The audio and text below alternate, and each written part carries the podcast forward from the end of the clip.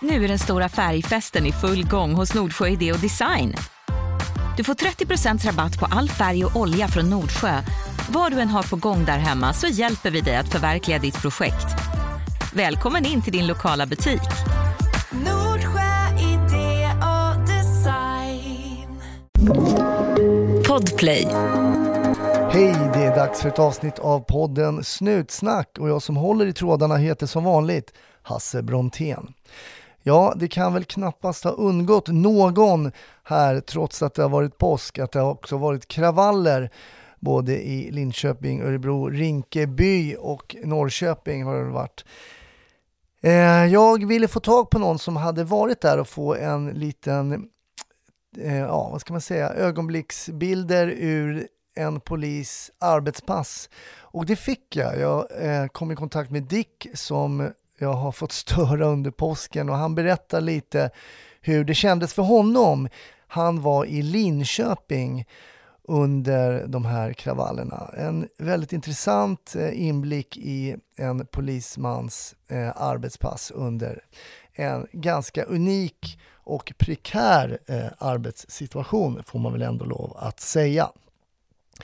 Till dig som är Patreon så kommer ett intressant avsnitt också med Dick där han berättar om eh, en grej som kom ut i media som han själv visste att han hade gjort, men tre år tidigare. Vill du bli Patreon och ta del av det bonusmaterialet och mycket annat så gå in på patreon.com slash eh, snutsnack. Ja, jag hoppas att du har haft en trevlig påsk trots allt som händer både i Sverige och ute i vida världen.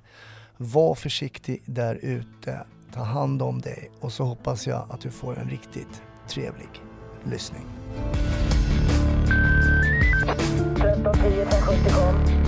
1310 Odengatan kom. Ja, det är uppfattat. Vi tar det. Slut. Bra. Klart slut. Varmt välkommen till Snutsnack Dick. Tack så mycket. Hur är läget? Jo, ja, jag, eh, egentligen är det väl egentligen inte så bra. Eh, Polissjälen har ju fått sitt här den här helgen som har varit.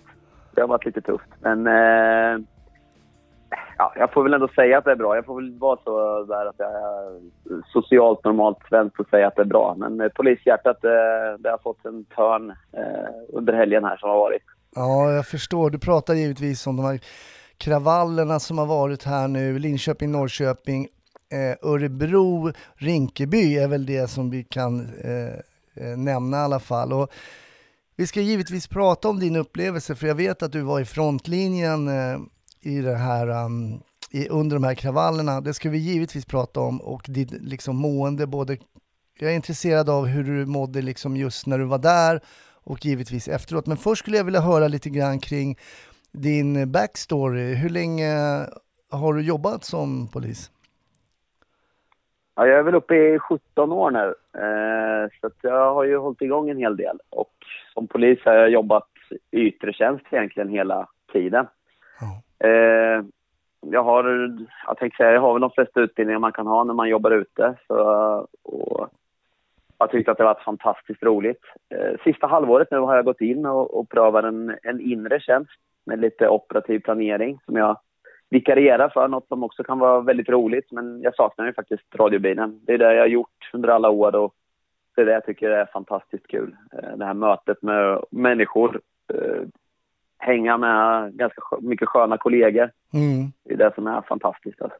Hur kommer det sig att du blev kvar då ute i radiobilen så att säga? Det har ju ändå blivit så att man kan se att det är en ganska stor omsättning just på radiobilen, att man inte är där så länge nu för tiden som man kanske var förr. Nej, alltså, skämtsamt kan man säga, jag kanske inte kan någonting annat. Men eh, jag tror att eh, mitt, ja, det är mitt behov tror jag, att vara ute och träffa människor. Och det är ju det här att man faktiskt... Det är så oerhört varierat arbete. Mm. Det går på känsloskalan eh, till eh, totalt kaos, till oerhört lugn, till glädje, till sorg. Eh, och det är det som är... Alltså det, det har varit så fantastiskt roligt. Jag har svårt att se att jag inte ska göra någonting annat än åka polisbil faktiskt. Sen är det alltid bra att få lite nya perspektiv givetvis, men Aha. ja, jag tycker att det är helt suveränt roligt. Var gick du i skolan någonstans? Jag gick upp uppe i Stockholm, Ja. eh, på Sörentorp, gamla POS. Den, en av de första, de här riktigt stora kullarna det var 240 elever då, så 03 klev jag innanför grindarna. Ja. Eh, så det var, det var en upplevelse det också. Men då var man ju snabbt utsnuten tänkte jag säga. Man var ju väldigt ung när man kom in och hade väl inte ett, ett, egentligen jättestor livserfarenhet även om jag tyckte det. Jag tyckte att jag var världens äldsta 22-åring som skulle fylla 23 då. Men, eh, men det har ju hänt en del i livet sedan dess. Man har ju märkt att man, eh, ja, ja, vilken erfarenhet man har dragit på sig sen efter. Det är helt otroligt alltså. Ja, det blir ju onekligen så att liksom jobbet i sig är ju en är ju liksom en utbildningsplats också. Ja, verkligen, verkligen. Och eh, att vara polis, det snabbar ju på mognaden något så otroligt också tror jag. Eh, Mm. Så jag blev nog kanske den mest mogna 26-åringen då. När jag väl var ute och hade jobbat ett tag så var jag nog kanske lite lillgammal mot mina andra 26-åriga kompisar. Mm. Vad är det som får en att mogna när man kommer ut och jobbar liksom som, som polis? Där? Vad, vad, vad tänker du kring det? Men jag tror att det är ju det är den där upplevelsen och så mycket man får vara med om. Man måste ta enormt mycket hänsyn, man får se liksom alla sidor av samhället. Även om många pratar om att vi får se det väldigt mörka av samhället så får vi faktiskt uppleva det goda också i samhället. Men Mm. jag tror att det gör att man mognar på, man får perspektiv ganska snabbt på livet.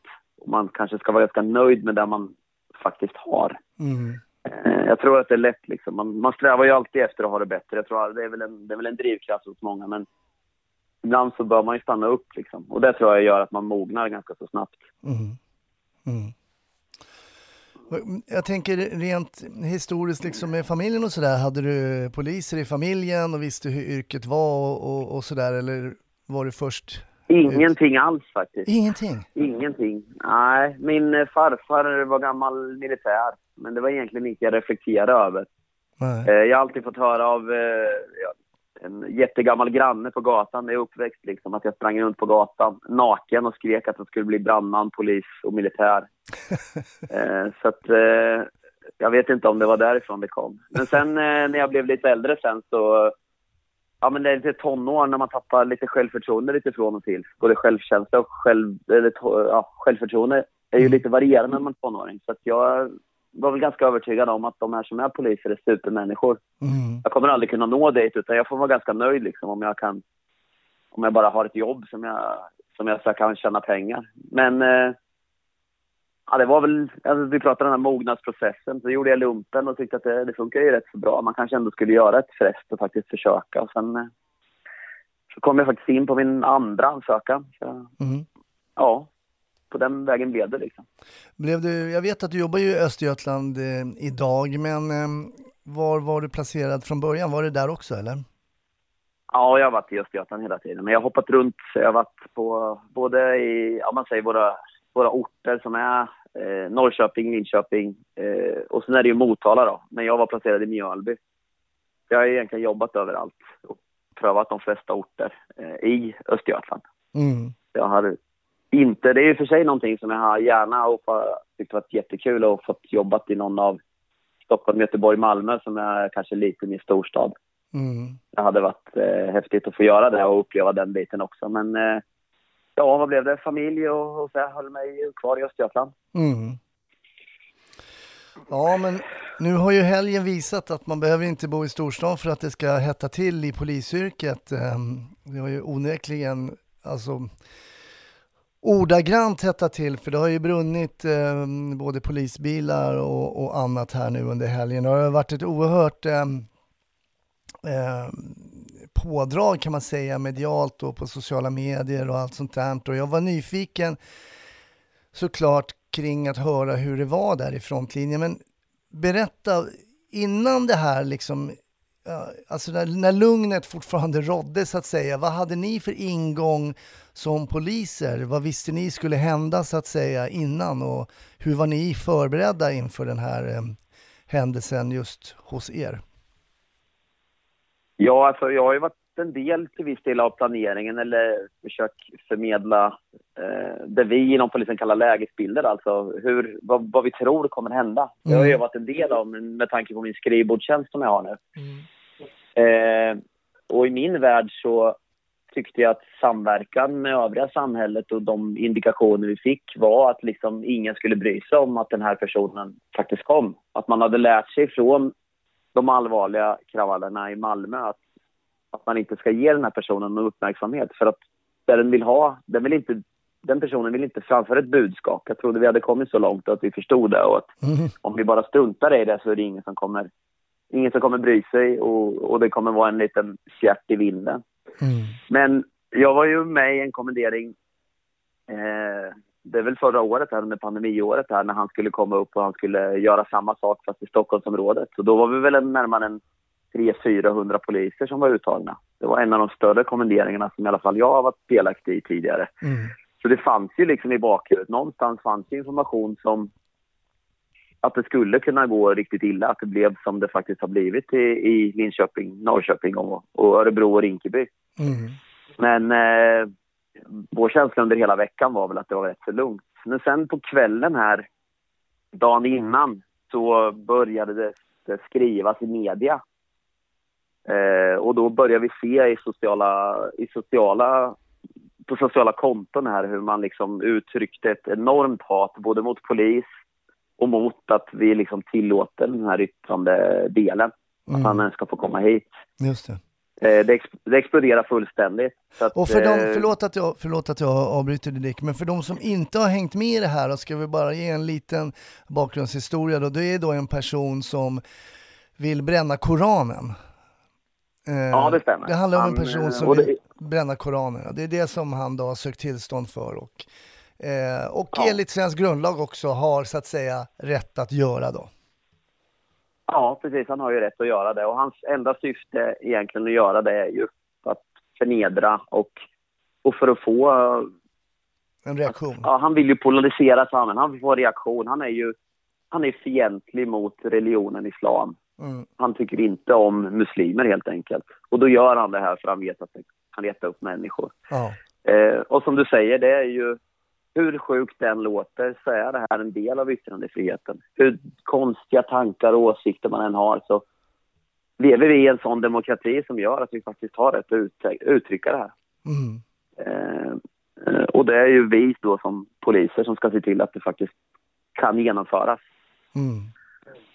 Eh, ja, man kan tycka vad man vill om det och, och det är klart att jag också har personliga åsikter om vad jag tycker om det men ja, Ja. Men det är så mycket längre än allting annat, just det här med yttrandefrihet och demokrati. Det är inte helt enkelt att bara säga ja eller nej. För vad är nästa, vad är nästa sak vi inte ska få uttrycka? Nej, Vad är nästa? Det är, det är jättesvårt det här givetvis. Mm, mm.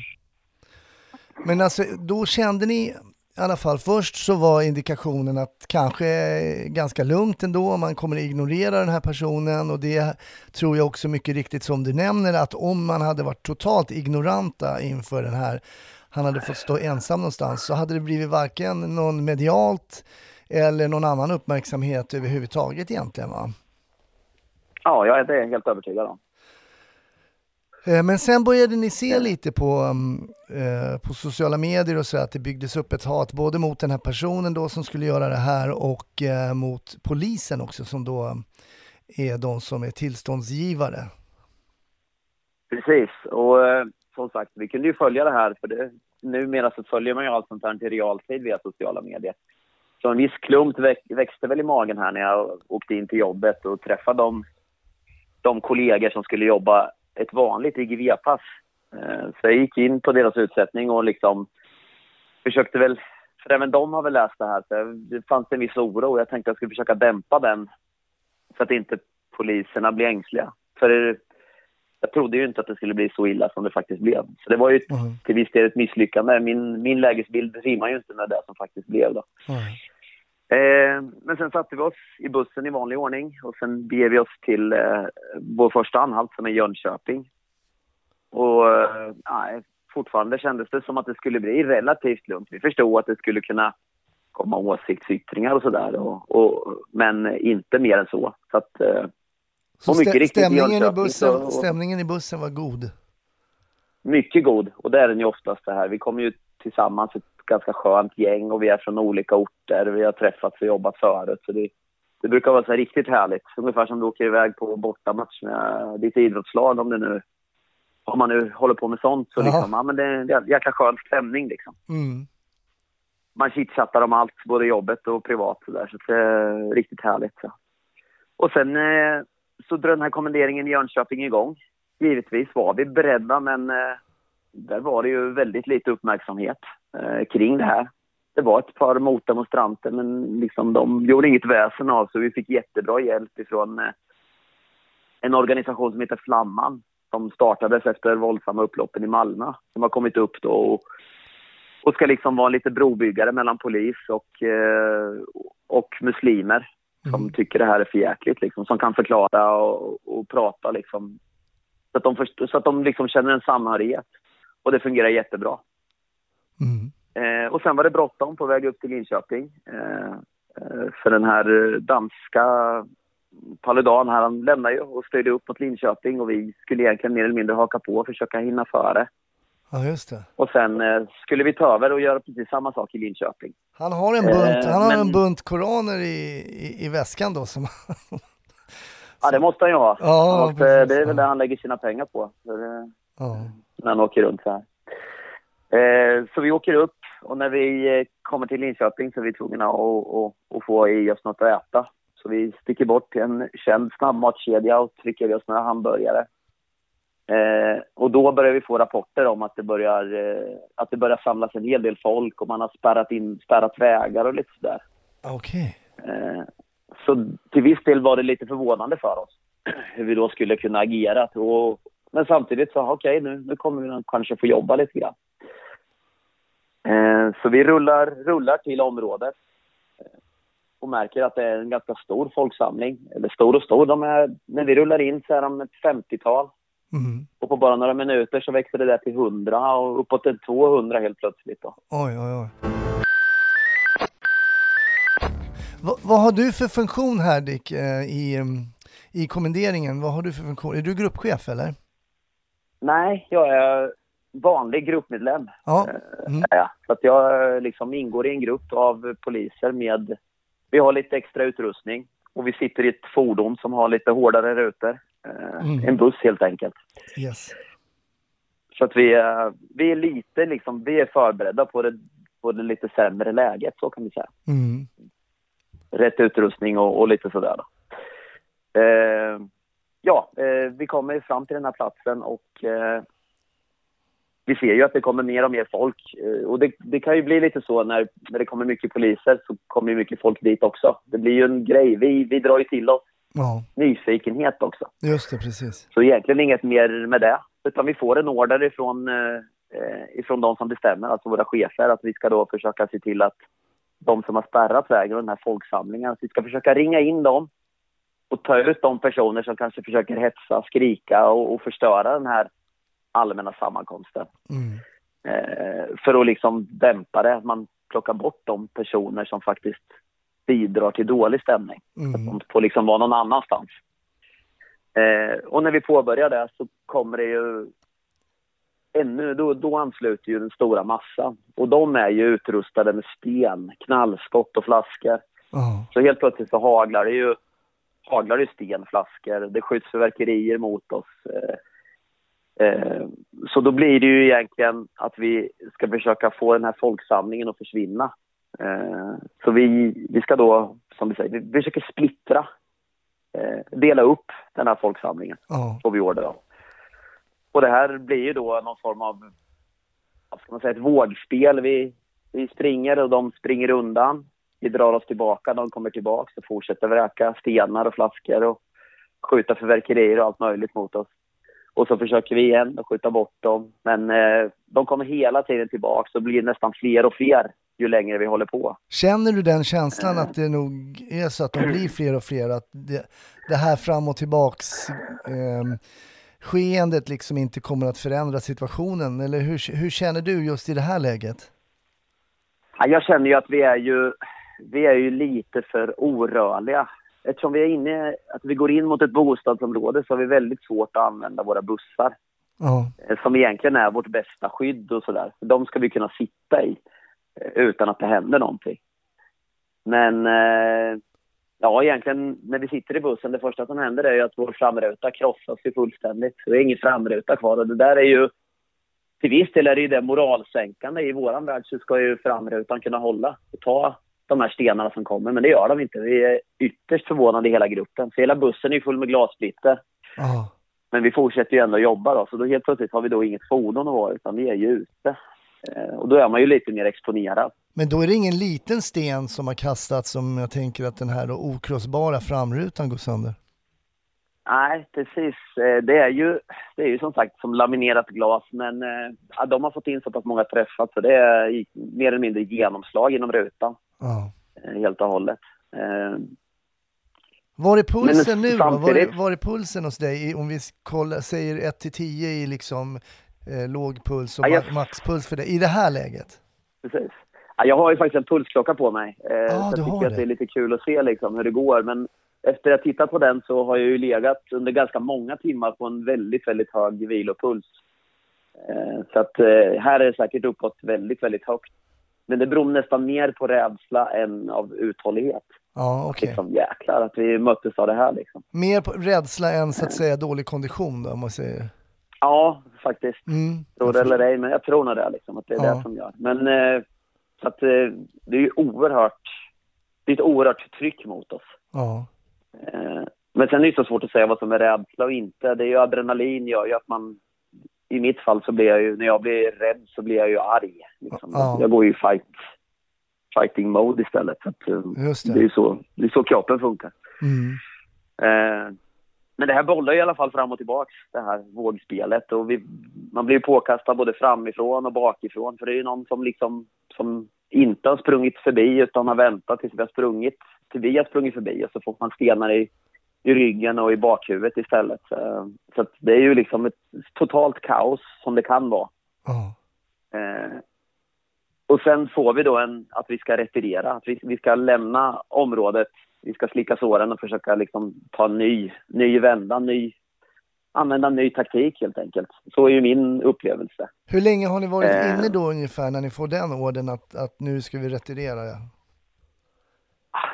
Tids, tidslinjerna är helt vrickade i huvudet på mig, men jag kan Ja. inte tänka mig att det här pågick inte mycket längre än 10-15 minuter på sin höjd alltså. Ja, mm. Eh, även om det känns som evighet nu när man tittar tillbaka på det. För man minns detaljer så pass mycket så känns det som att vi var i flera timmar. Men det vet jag att vi inte var. ja, jag fattar.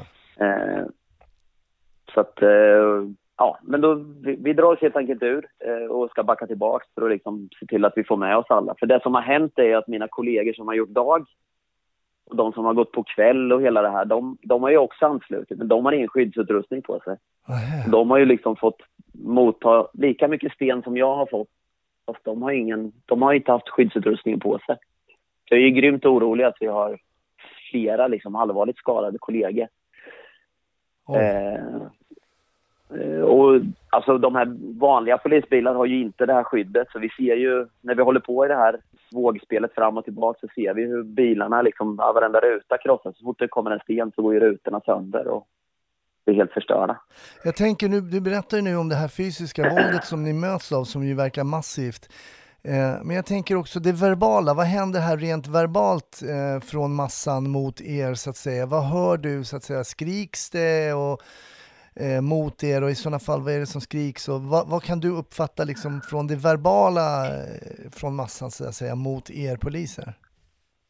Egentligen så, eh, så hörseln är inte med i matchen så jag hör ingenting utan det är ju bara ett allmänt vrål. Ja. Eh, eh, och sen har ju man ju radion har man ju smattrandes i öronen som försöker skicka ut ordrar men mycket hör man ju inte utan min, mitt fokus blir ju liksom att hålla koll på min närmsta kollega för det är ju, så att ingen blir kvar. Eh, så jag har ju min kollega som jag liksom försöker se var han är i det här fallet då, så, att jag inte, så att vi inte tappar bort varandra. För det är lätt att man typ flöjtar iväg, liksom, att, man, att man kör ett eget litet race och sen står man helt plötsligt lite själv. Då. ja, just det. Eh, så det där med hörseln helt... Jag vet liksom att det är ju folk som, så att säga, som står och filmar som inte är del av den våldsamma mobben, men de står och skriker okvädningsord till oss hela tiden. Liksom Ja. vad de tycker. Eh, och det är, ju, det är ju inte några snälla ord liksom. Där har jag ju det har minnesbild av liksom tjejer som står och skriker, som står och filmar samtidigt. Skrattar, springer med och tycker att det liksom är en rolig grej. Som Ja. inte förstår allvaret liksom är hur, hur allvarligt skadad man kan bli eller hur allvarligt skadade vi kan bli också. Alltså jag, Ja, man blir ju förvånad tycker jag, just det här du beskriver nu, folk står bredvid, filmar, skrattar och inte förstår. Varför förstår man inte allvaret? Är man ung, korkad, naiv? Vad, vad, jag vet inte, men, men det är ju väl ganska logiskt eh, när man ser, jag har i alla fall sett, jag har ju tittat på många av de här filmerna som har gått på sociala medier, det är ju, vi pratar ju om gatstenar och och bara stenar som är hälften av deras storlek är ju nog så, så stora för att både ha ihjäl folk och inte. Jag menar, det, det är ju det är ju enkel matematik här, men eh, vad, vad är det som driver en att tycka att det här är Lattjo Lajban? Det, det kan givetvis inte du svara på. Jag tänker bara att vi flummar lite eh, utanför boxen här. Men, Ja, precis. Ja, men jag, jag tror att alltså, den ung, ungdomliga... Alltså, jag har inte gjort någonting och jag är ganska odödlig. finns nog där. Ja. Eh, liksom Mm. i att man, man kommer inte...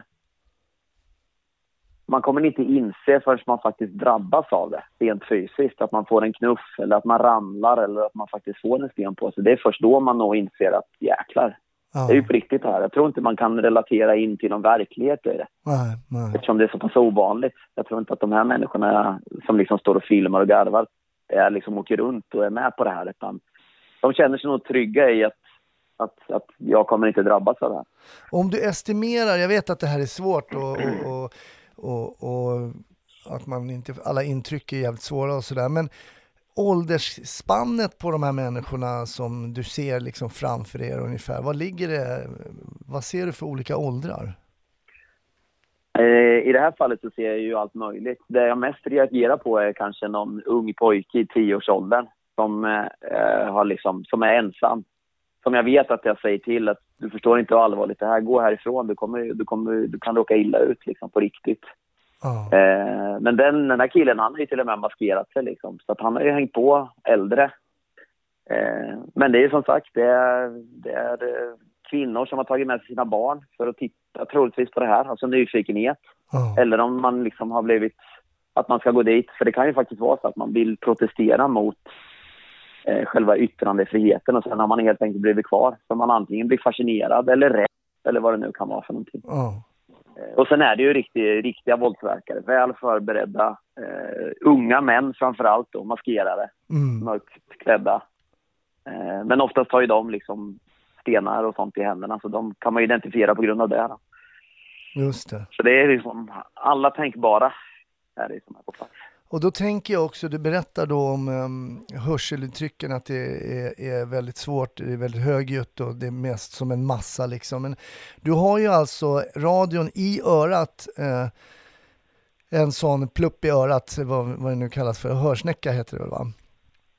Just det, precis. Och då hör du ändå inte Ehm, radion och informationen. Då, jag menar, då får man ändå en bild som lyssnare om man inte har varit liksom, i den här situationen att när man har liksom hörlurar så att säga, eller en i alla fall i örat, så kan man ha stora svårigheter att höra order komma in på grund av ljudet runt omkring alltså.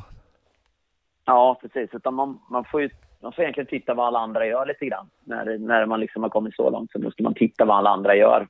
För att eh, det är inte säkert att man kan fokusera. Eller man, man hör bara fragment egentligen. Det gäller att ha tur och egentligen uppfatta det viktigaste. När ni fick den här orden då, för jag kommer till det att det sägs ja men nu retirerar vi. Eh, hur, hur kändes den orden hos dig just i det läget?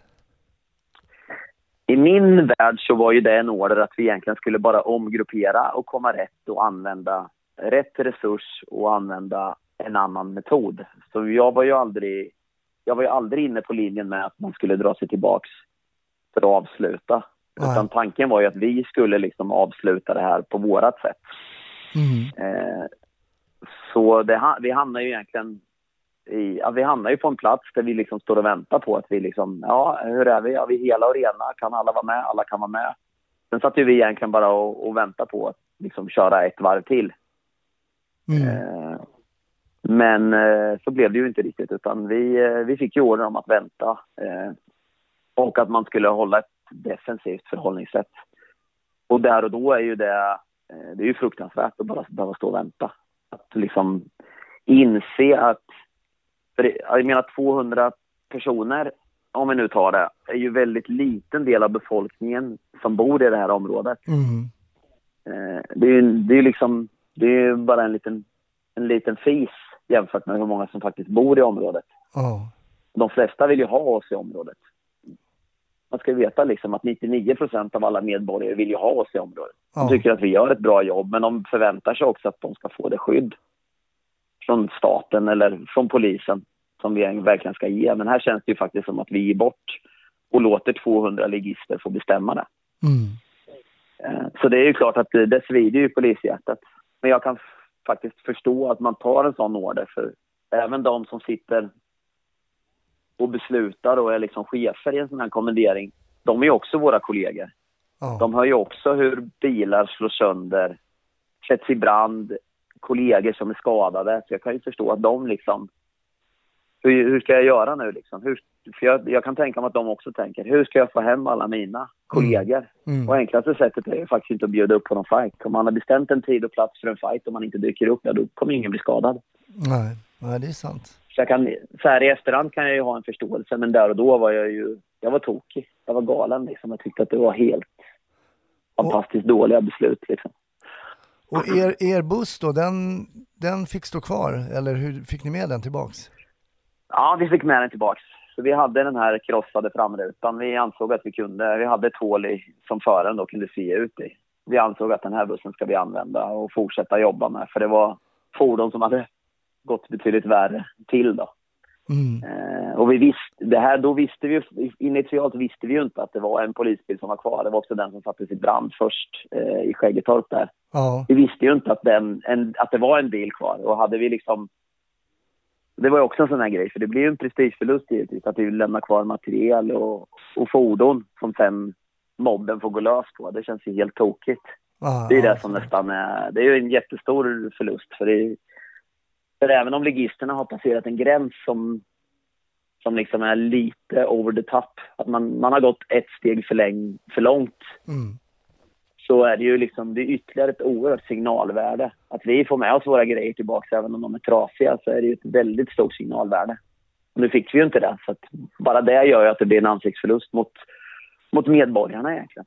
Ja. Och, det, och jag förstår ju också vad som skulle komma i, i, i eh, som du pratar om, sociala eh, media sen. Liksom att polisen är feg och polisen är dålig och sådana saker. Fast det, jag, jag kan säga så här, nej det blev, inte, det blev inte bra och vi är inte nöjda. Men det är ingen som är feg och det är ingen som, om, som vill det här. Utan jag kan lova att alla poliser som var på platsen gjorde sitt bästa Mm. för att liksom lösa det här. Ja. Nu blev det som det blev, vilket var fruktansvärt tråkigt och det blev inte bra. Men eh, vi gjorde i alla fall vårt bästa. Så, Mm så det är ju det som svider mest kanske i polishjärtat, den här, ja, men en, en viss ansiktsförlust och att man låter ligister, ett fåtal ligister faktiskt få diktera villkoren. Mm. Nej, men och det, det kanske man glömmer att eh, till syvende och sist så varenda enskild polis som är på jobbet eh, är också noterbart liksom. Eh, man är där under ett arbetspass. Istället för att stå i en butik så jobbar man som polis och man vill komma hem hel och ren och framförallt väldigt levande till sin familj. Exakt.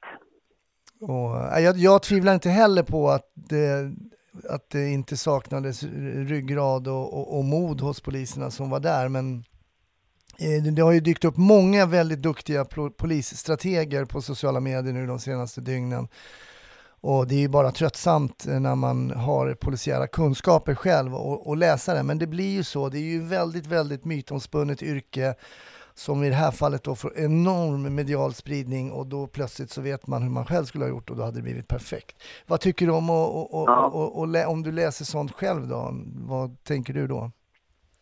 Ah, jag tänkte säga, jag har väl nästan till gett upp under alla år här så givetvis är ju det är ju samma experter som är experter på hur polisen ska agera eh, och vem man ska sätta in eller samhället ska sätta in i de här utsatta områdena som är experter på hur, hur en pandemi ska skötas eller hur Ukraina ska sköta sitt, sitt försvar av sitt land. Så det är samma individer som har väldigt mycket åsikter. Mm, mm. Eh, Så det, det är ju som du säger väldigt intressant att se liksom. Men många av de här har ju noll erfarenhet Mm. faktiskt av, av vad som händer och att det, man ska ju dra in att det är en mänsklig aspekt i det också. Att, att de som ska utföra det här är ju människor också. Eh, Men jag håller ju med dig, alltså jag, det är klart att jag blir ju enormt uppretad över att läsa så kallade experter som faktiskt inte har någon koll. Men sen är det, det är som du säger att lämna det känns ju nästan som om man skulle ha lämnat, när man jobbade på Säpo, och glömt en mapp med hemliga liksom, dokument och så kommer fienden åt det liksom. Man har glömt Exakt, exakt. Och, och det är klart att det är som du säger, det är en oerhörd eh, förlust och signalvärdet är ju tyvärr eh, starkt eh, när man ser ja, de här eh, ligisterna springer omkring med eh, utrustning som skyddsmasker och, och reflexvästar och, som de har på, under sina hoodies och sånt där. Det, ja, det skär ju i ens blåa hjärta när man ser det. Ja, verkligen. För det, ja, men det, finns, vi har ju alltid pratat om att det, man, det finns ju lite gränser liksom som har passerat. Så polisen har ju tyvärr nu varit med om de här gränserna. Jag jobbar ju inte själv exempelvis när polismorden i Alexander var, men det var ju det var ju en gräns som passerades långt över vad som är rimligt för bankrånare för att komma undan. Att man, att man skjuter, i det här fallet faktiskt rent ut sagt avrättar två poliser. Det är möjligtvis att man skjuter för att skrämmas för att komma undan, men helt plötsligt så var det, vaknade vi upp liksom den här majdagen helt annorlunda. Och det här är ju ytterligare en gräns som liksom har passerats i när man, när man på det sättet ger sig på polisfordon eller liksom snor grejer från polisen och att, eh, att, att det på något sätt tillåts även om den stora massan. Även om man, vad man kan tycka vad man vill, men oftast i de här stora massorna så finns det ju liksom krafter som ändå dämpar av det där lite grann. För det finns gränser som man inte ska passera. Problemet, Men jag menar, nu har ju det rykt också liksom. problemet är ju också att massan här har ju faktiskt missuppfattat hela situationen. Polisen var ju inte där på något sätt för att vara på dem egentligen överhuvudtaget. Och Nej, det som är precis. intressant att man får det här då som polis får man ju stenar och krossar bilar och sånt av personer som man då nästa dag åker och hjälper utan att blinka liksom. Ehm, Exakt. Men sen så eskalerar ju det här i Örebro. Vi ser ju man till och med typ kapar en polisbuss, kör omkring och, och, och krockar den och eldar upp den eh, och så vidare och så vidare. Och du, du säger ju här efteråt att visst, det kanske fanns då och det kan man ju hålla med om när man säger så här, kommer jag få hem mina mannar, det är det viktigaste, de ska vara hela och rena och friska och levande liksom. Men vad, då undrar man ju lite grann, vad hade man behövt då för att kunna liksom freda sig och kanske gå ut som liksom ledaren i den här konfrontationen eftersom det är ju många som påpekar det. Polisen har våldsmonopolet och det är inte vi som ska backa om vi utsätts för våld. Liksom. Vad, är det något man saknar liksom i verktygslådan här eh, på något sätt? Men rent, rent krasst, utan att liksom analysera vad som har blivit fel här, så vi, vad vi kan se så skulle vi givetvis ha ännu fler poliser, Mm. bättre utrustning. Om vi tittar på det som finns idag så handlar det mycket om att vi skulle givetvis ha sett ännu fler poliser. Hade vi varit dubbelt så många poliser så är ju risken att faktiskt få en konsekvens av att kasta en sten, alltså att du blir gripen och misstänkt för brott, den är ju liksom mycket större. Och även om situationen är oerhört het så, så funkar ju gärna så. Vad är det för, vad, vad- är det för risk? Vad, vad, vad tar jag för risk när jag gör så här? Ja, Och jag menar när man ser då att, att det inte blir någon konsekvens av sitt handlande utan man kan fortsätta begå brottslig gärning. Det hetsar ju liksom upp varandra till att fortsätta göra det. ja.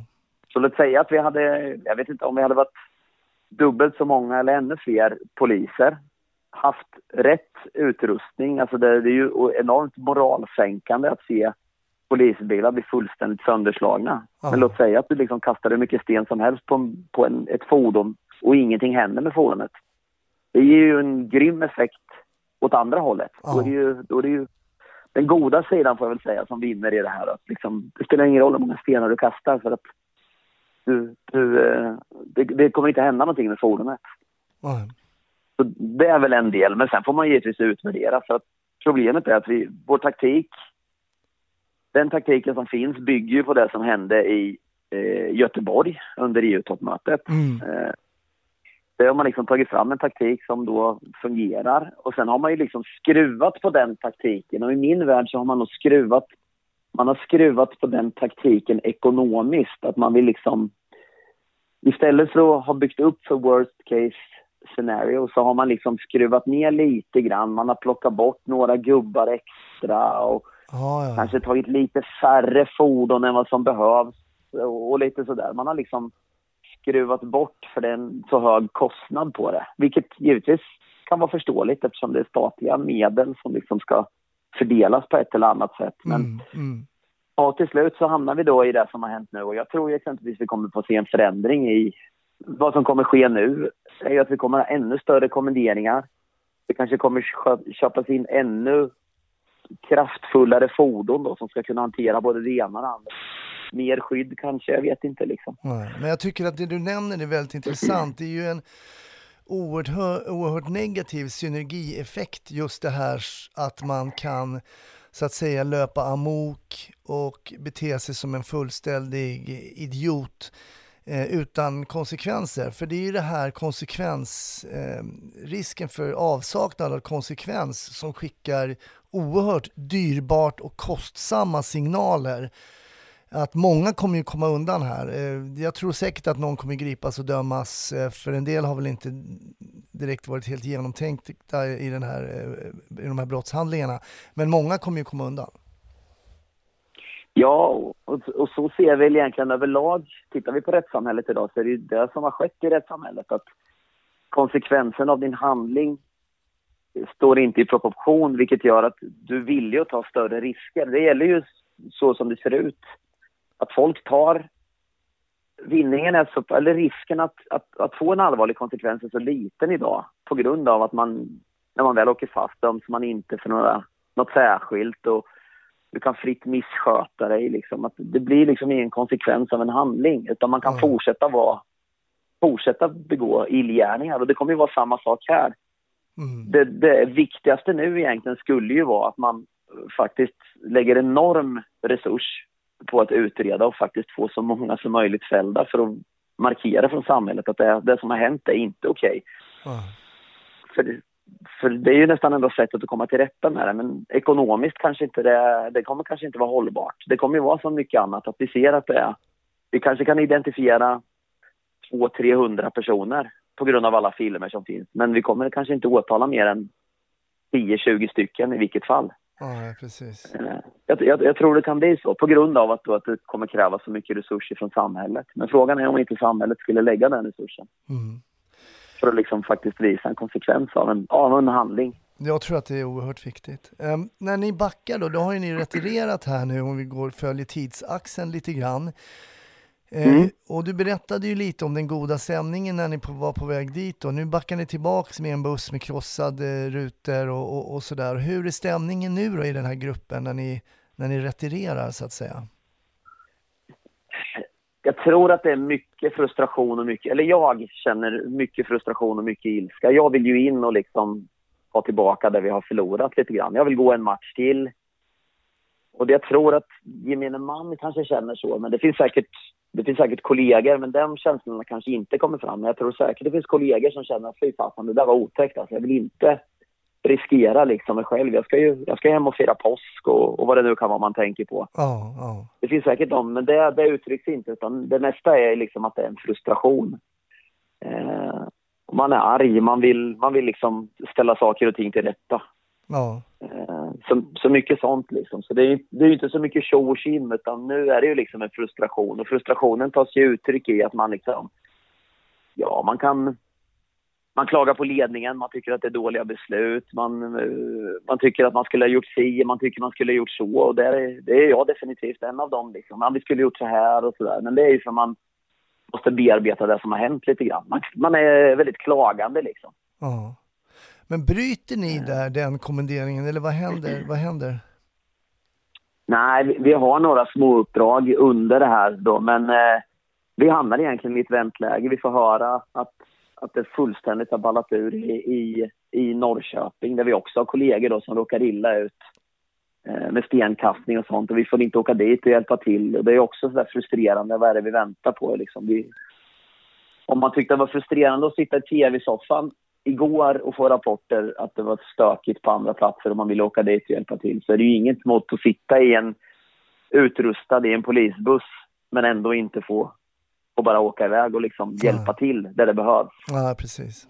För, för då är man ju på jobbet. Man kan vara där inom minuter liksom, men ändå får man inte åka dit liksom och stötta och hjälpa utan man har fått en order om att vänta. Det är ju, ja, den frustrationen går ju knappt inte att ta på.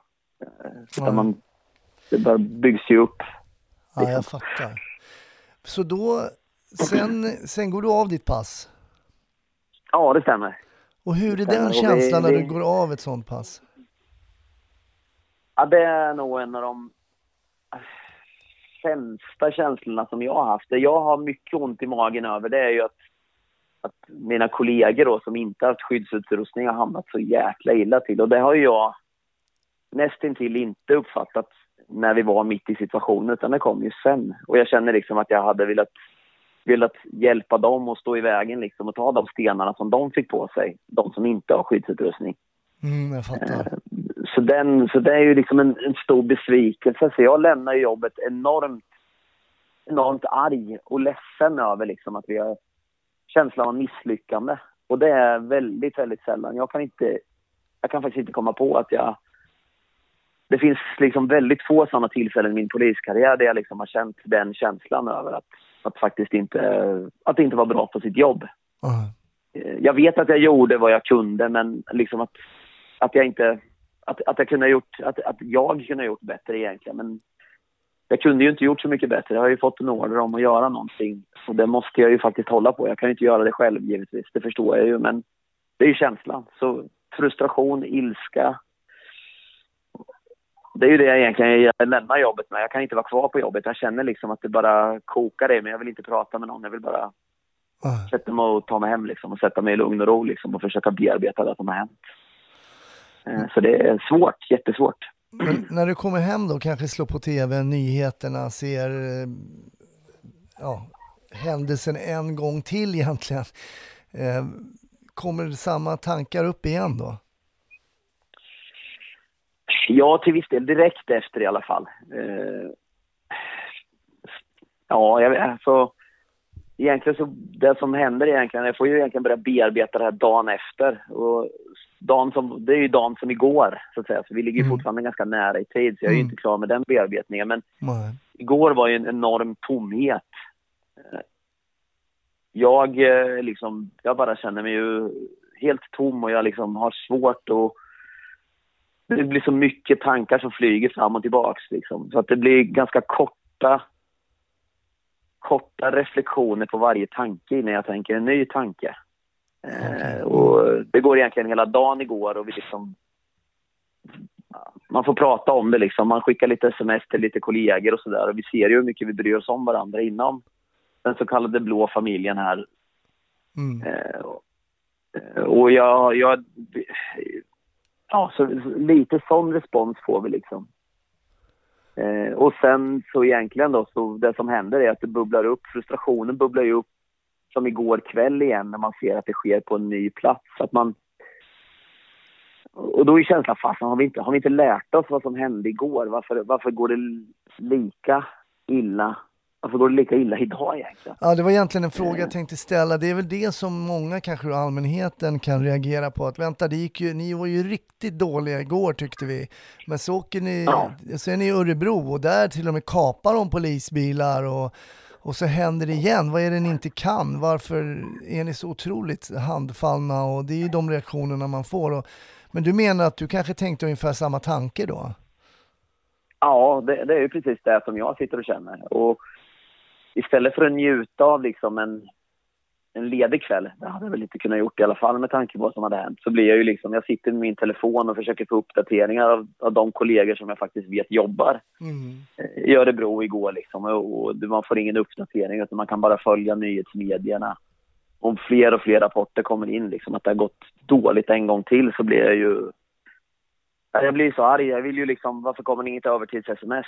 Varför? För då vill man ju liksom in och hjälpa till igen. Ja. Men, eh, nej, det, ja, jag vet inte sjutton alltså. Det blir väldigt knepigt så att det är svårt hur man ska bearbeta det. Men jag hoppas ju liksom att det blir en rejäl uppföljning och, och det kan ju vara lite skönt att gå tillbaks till jobbet liksom och tjata med de här kollegorna som har varit och få höra att de faktiskt har samma känsla som, som jag har.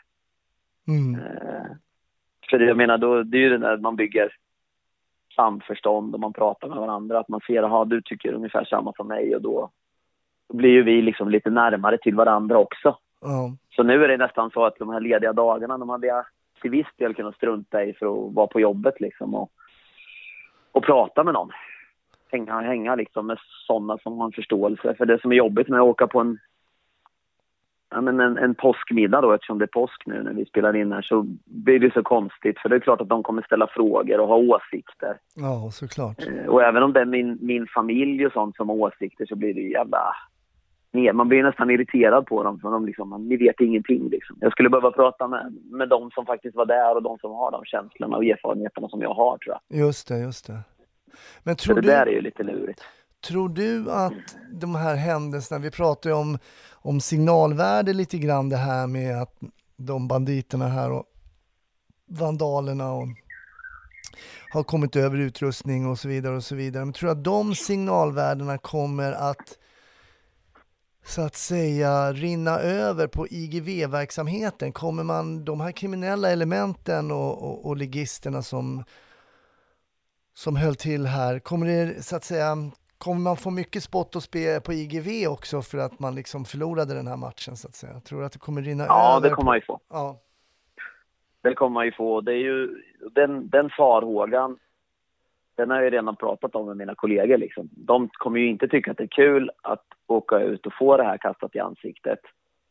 För det kommer ju liksom vara någonting som tas upp i alla lägen och, och, eh, så fort man får chansen. Liksom. Men eh, alltså, allting det här kommer ju givetvis att rinna av förr eller senare. Eh, förhoppningsvis att man liksom får bättre utrustning och kunskap i det. Men det finns nog många kollegor som inte ser fram emot att, att möta de här och jag är också en av dem. Liksom det här att, ja, det var ju samma sak när, när, eh, eller under alla år som jag har jobbat så är det ju alltid människor som man har stött på som har påmint om polis polismorden i Alexander liksom. Ja. När man liksom ska trycka till en polis så tyckte man att det var det bästa som har hänt i Sverige och lite sådär. mm, För att få oss frustrerade och, och arga.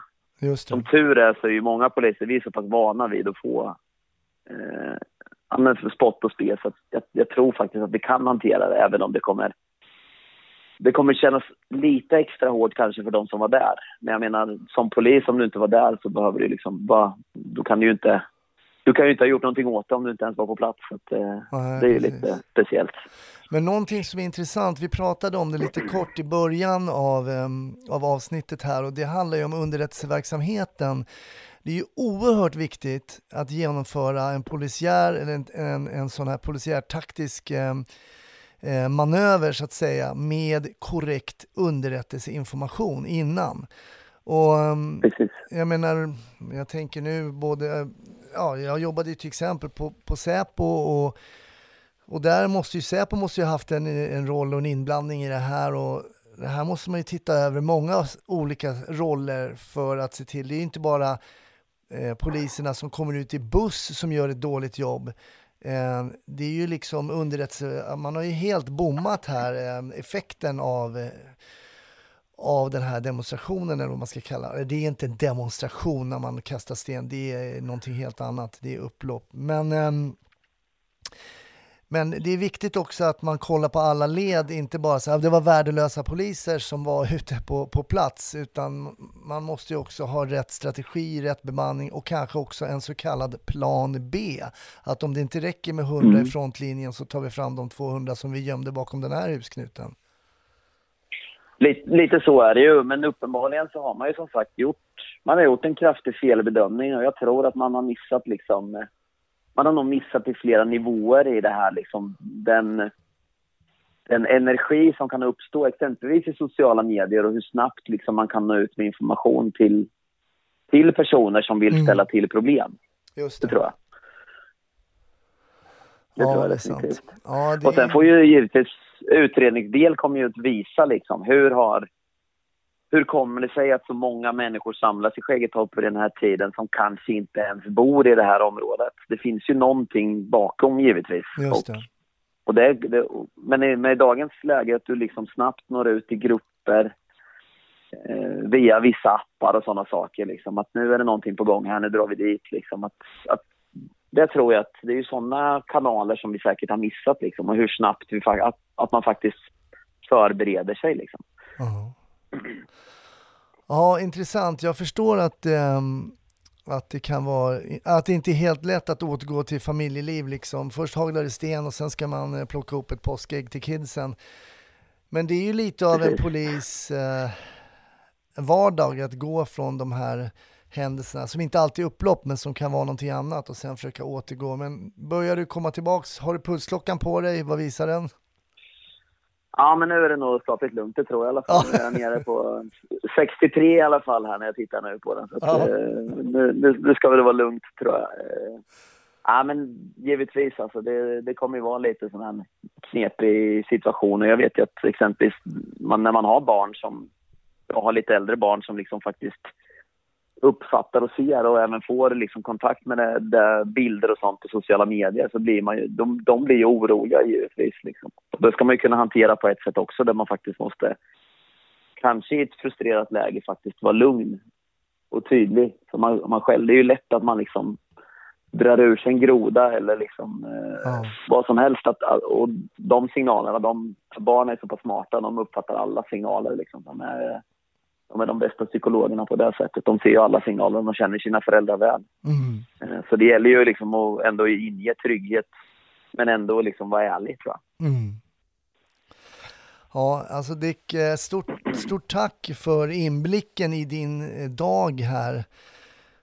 Som ju var Tack. väldigt, väldigt unik, väldigt unik och också stort tack att jag fick störa dig här på, mm, på påskafton och för att och, Och höra. Men eh, vi ska prata, vi brukar avsluta den här podden med att fråga om polisfilmer. Eh, Jajamän. vad, vad, har du något att rekommendera så här när någon som ligger hemma och har påsktråkigt? Ja, men jag brukar ju faktiskt lyssna på din podd där och, och jag brukar ju säga att alla brukar ju dra ungefär samma, men jag, jag är ju, jag, jag tycker ju om humor, jag tycker allt sånt här är kul, eh, alltså lite speciella, så att jag har ju några filmer som jag vet att, eller som inte jag har hört att någon har rekommenderat och det är ju en, dels en amerikansk komedi som heter The Other Guys, Ja, ja riktigt bra. eh, exempelvis, och de har ju några liksom riktigt sköna grejer som man kan skämta lite om sådär. Ja, Eh, och, och sen en brittisk film som heter Hot Fuzz där en polis tvingas ut på landsbygden och ska jobba och hamnar i någon liten småstad där det sker en massa mord. Eh, också en ren humorfilm. Jättefjantigt att titta på, har inget med polisen egentligen att göra utan det är ju bara ren humor. Men det finns mycket, mycket roliga grejer som man kan ta med därifrån. ja men Citat och sånt som man kan använda på jobbet. bra, bra Dick. Alltså det, vi behöver ju humor och humor um, vet jag är ju mycket användbart i polisarbetet. Både i bussen bland kollegor men också faktiskt när man möter människor ute på gator och tor- torg. Så The Other Guys och Hot Fuzz. Precis. Underbart. rekommendation om ni vill skratta, om ni vill skratta lite. Men det, är- det, det är nästan att man behöver vara lite polis för att se dem och tycka att allting blir roligt i dem. Annars vet jag inte.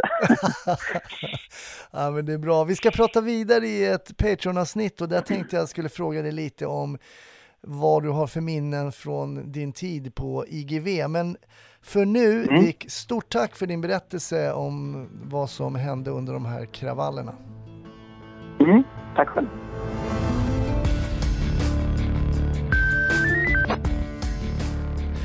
Snutsnack är slut för den här veckan. Stort tack för att du har lyssnat.